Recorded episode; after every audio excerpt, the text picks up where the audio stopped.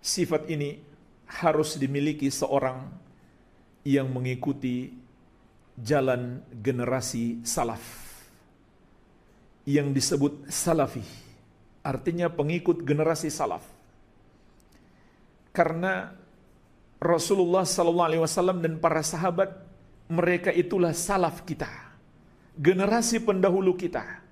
Kalau kita mengikuti mereka maka kita pantas disebut salafi dan di antara yang mesti kita ikuti pada mereka adalah sifat kasih sayang ini.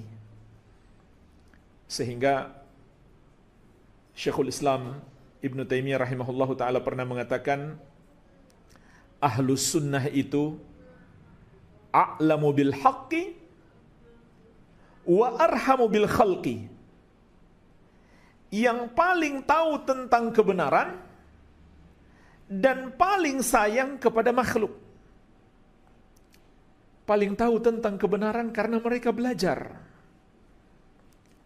Mereka belajar petunjuk-petunjuk Nabi Muhammad SAW di dalam Al-Quran dan Sunnah. Maka kita kenal para ulama yang mendalam ilmunya dari kalangan sahabat tabi'in dan tabi'ut tabi'in maupun imam yang empat Abu Hanifah, Malik, Syafi'i dan Ahmad. Ini semua panutan kita. Para ulama ahlus sunnah. Yang paling mengetahui tentang kebenaran. Karena mereka belajar. Dan mendapatkan hidayah dari Allah. Kemudian ahlus sunnah itu paling penyayang kepada makhluk. Dan ketahuilah jemaah sekalian.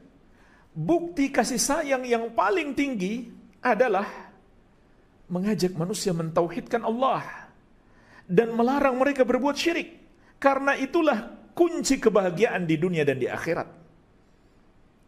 Ini yang dimaksud kasih sayang dalam surat Al-Anbiya ayat 107. Wa ma arsalnaka illa rahmatan lil alamin. Tidaklah kami mengutus engkau wahai Muhammad kecuali sebagai rahmatan lil alamin. Kasih sayang untuk seluruh makhluk. Artinya, kita ajak makhluk itu supaya dapat kasih sayang Allah dengan cara mengikuti ajaran-ajaran ahlus sunnati wal jamaah.